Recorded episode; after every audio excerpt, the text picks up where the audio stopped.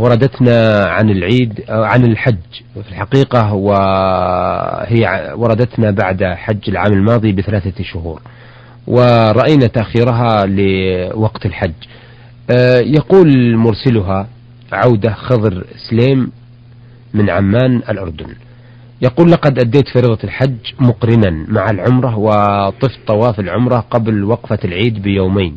وأديت العمرة ثم وقفنا يوم وقفة العيد على جبل عرفات ومن ثم بتنا ليلة العيد في في منى. وفي صبيحة العيد بعد صلاة العيد قمت بطواف الوداع. يوم عيد الأضحى ثم عدت وذبحت الهدي لله ورجمت يوم العيد وثاني وثالث. يوم العيد. أي أنني بت ليلتين في منى بعد العيد. ثم أنني غادرت مكة وفكيت الإحرام ولم أتمكن من العودة إلى الكعبة للطواف حولها.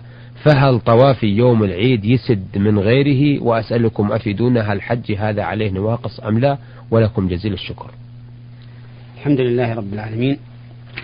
هذا الأخ يقول إنه حج مقرنا ثم أدى عمرته قبل الوقوف بعرفة. نعم. وهذا العمل يعني أداء أعني أداء العمرة قبل الوقوف بعرفة ليس عمل القارن. بل هو عمل المتمتع وعلى كل حال خيرا فعل لأن القارن ينبغي له أن يحول نيته إلى عمرة ليصير متمتعا كما أمر بذلك النبي صلى الله عليه وسلم أصحابه الذين لم يسوقوا الهدي. وفي قصته هذه ذكر أنه بات ليلة العيد بمنى. نعم. وهذا لا يجوز. يجب أن يكون المبيت ليلة العيد بمزدلفة إلا أنه يجوز الانصراف من مزدلفة للضعفة من الناس في آخر الليل. لأن النبي صلى الله عليه وسلم رخص للضعفة أن يدفعوا من مزدلفة بليل.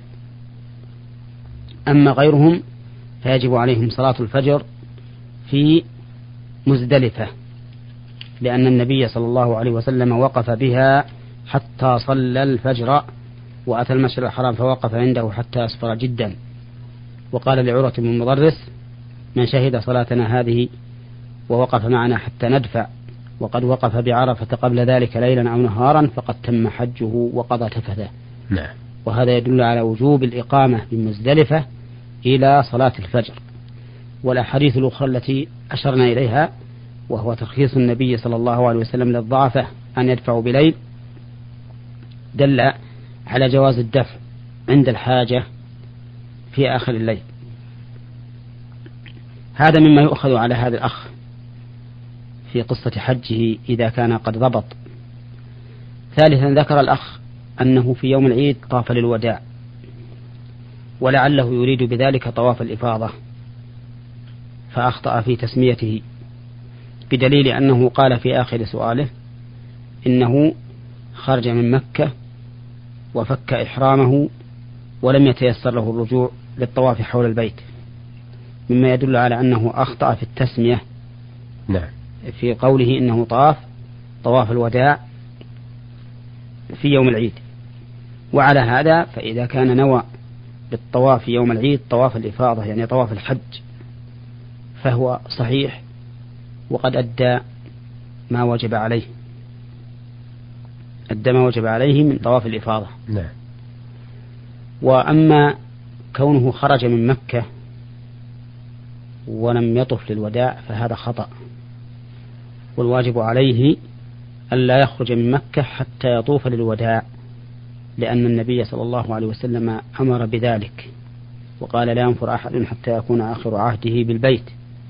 لكنه رخص للحائض والنفساء في ترك طواف الوداع لقول النبي صلى الله عليه وسلم لصفية حين أخبر أنها طافت طواف الإفاضة وقبل أن تحيض. قال فلتنفر إذن. ولحديث ابن عباس أمر الناس أن يكون آخر عهد بالبيت إلا أنه خفف عن الحائض.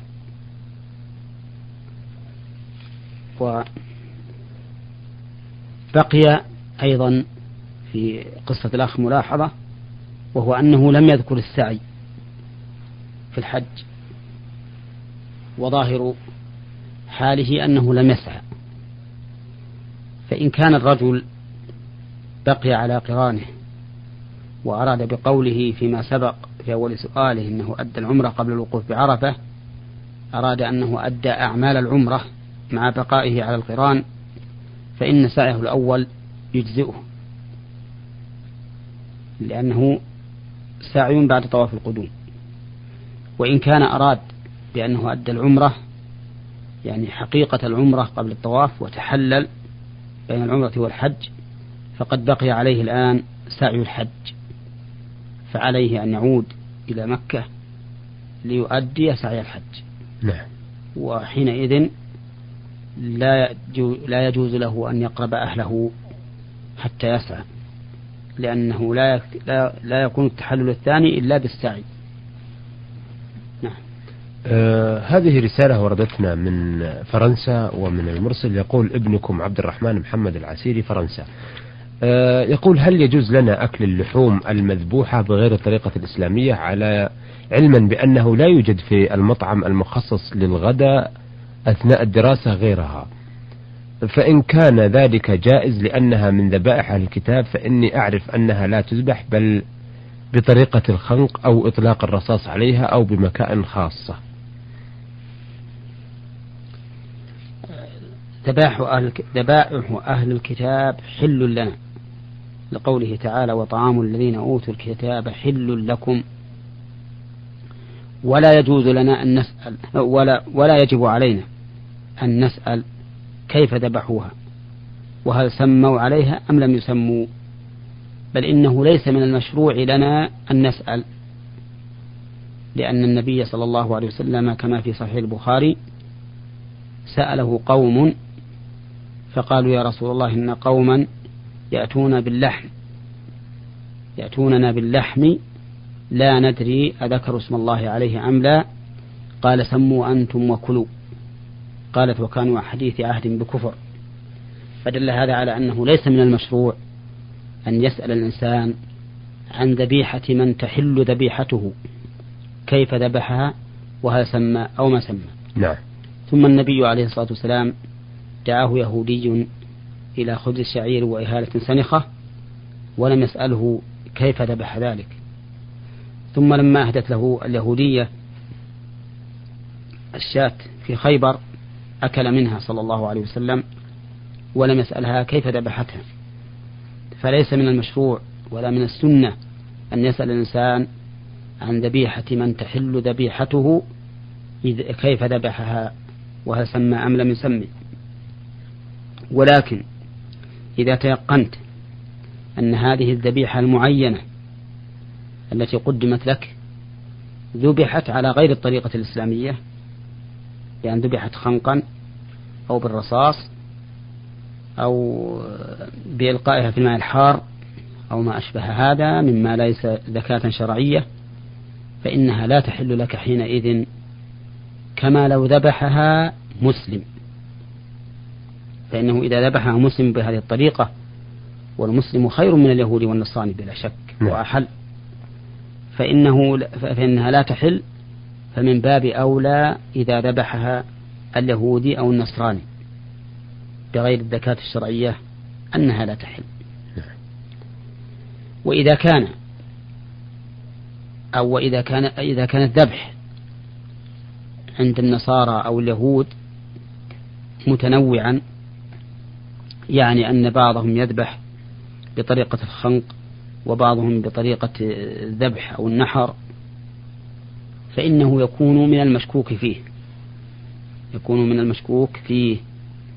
هل هو من هؤلاء أو من هؤلاء؟ وحينئذ ينبغي للإنسان أن يتحرز منه لأن طريقة الاحتياط في ترك الإنسان ما يريبه إلى ما لا يريبه خير وأولى وأحسن. نعم. نعم.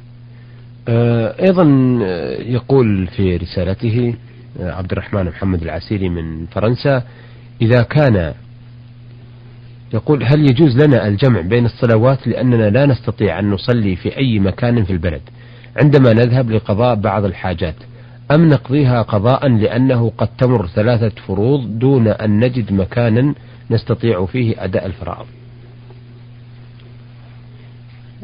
إذا كنت لا تتمكن من الوقوف والصلاة في وقتها فإنه يجوز لك أن تجمع بين الصلاتين.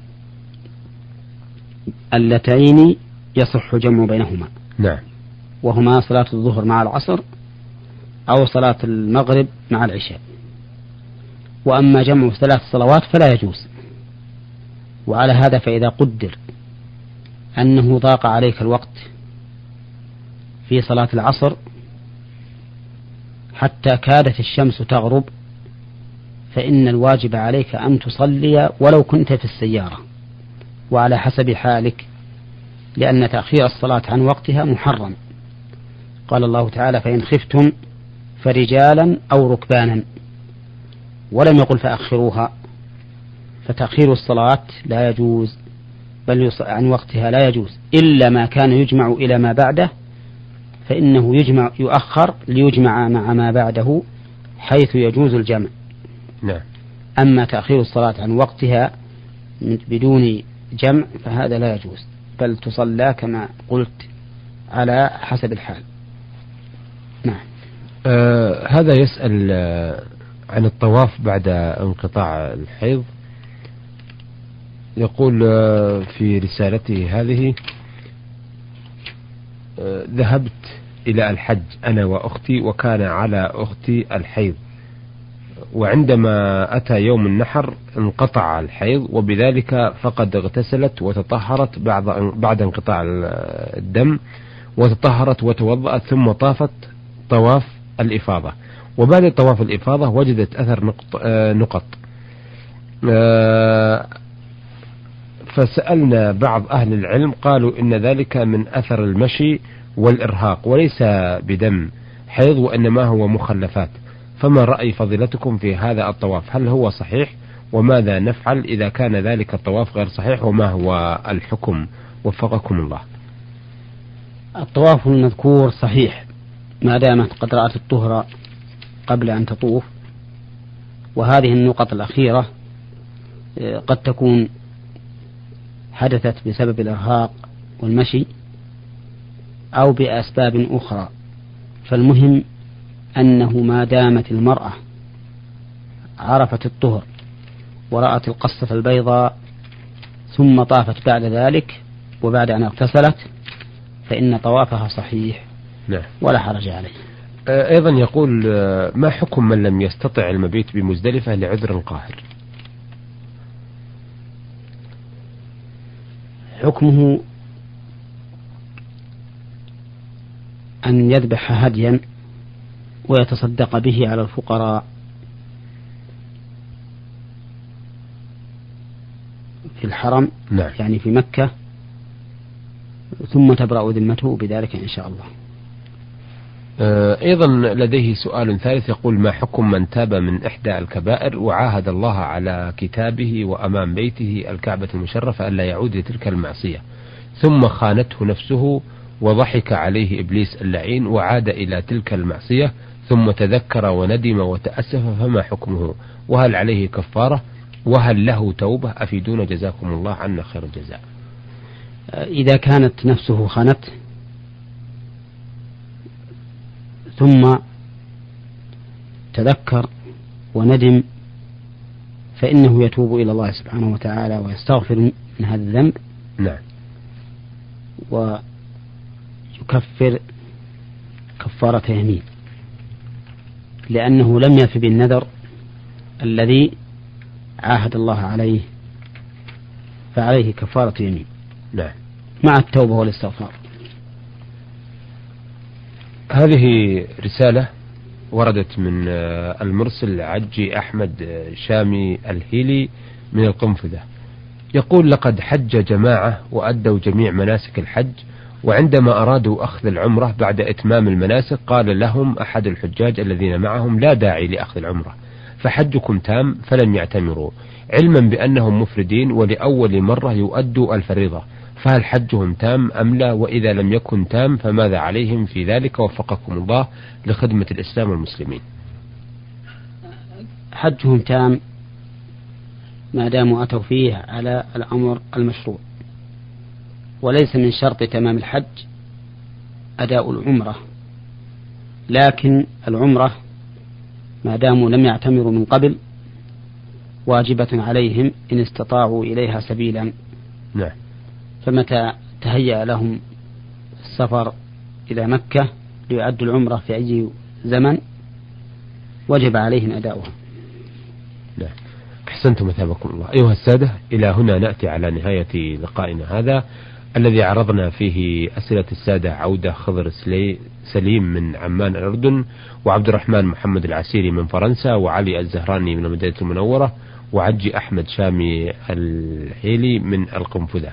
عرضنا هذه الأسئلة والاستفسارات على فضيلة الشيخ محمد بن صالح العثيمين الأستاذ بكلية الشريعة بالقصيم وإمام وخطيب الجامع الكبير بمدينة عنيزة. شكرا لفضيلة الشيخ محمد وشكرا لكم أيها السادة. وإلى أن نلتقي بحضراتكم نستودعكم الله والسلام عليكم ورحمة الله وبركاته. نور على الدرب.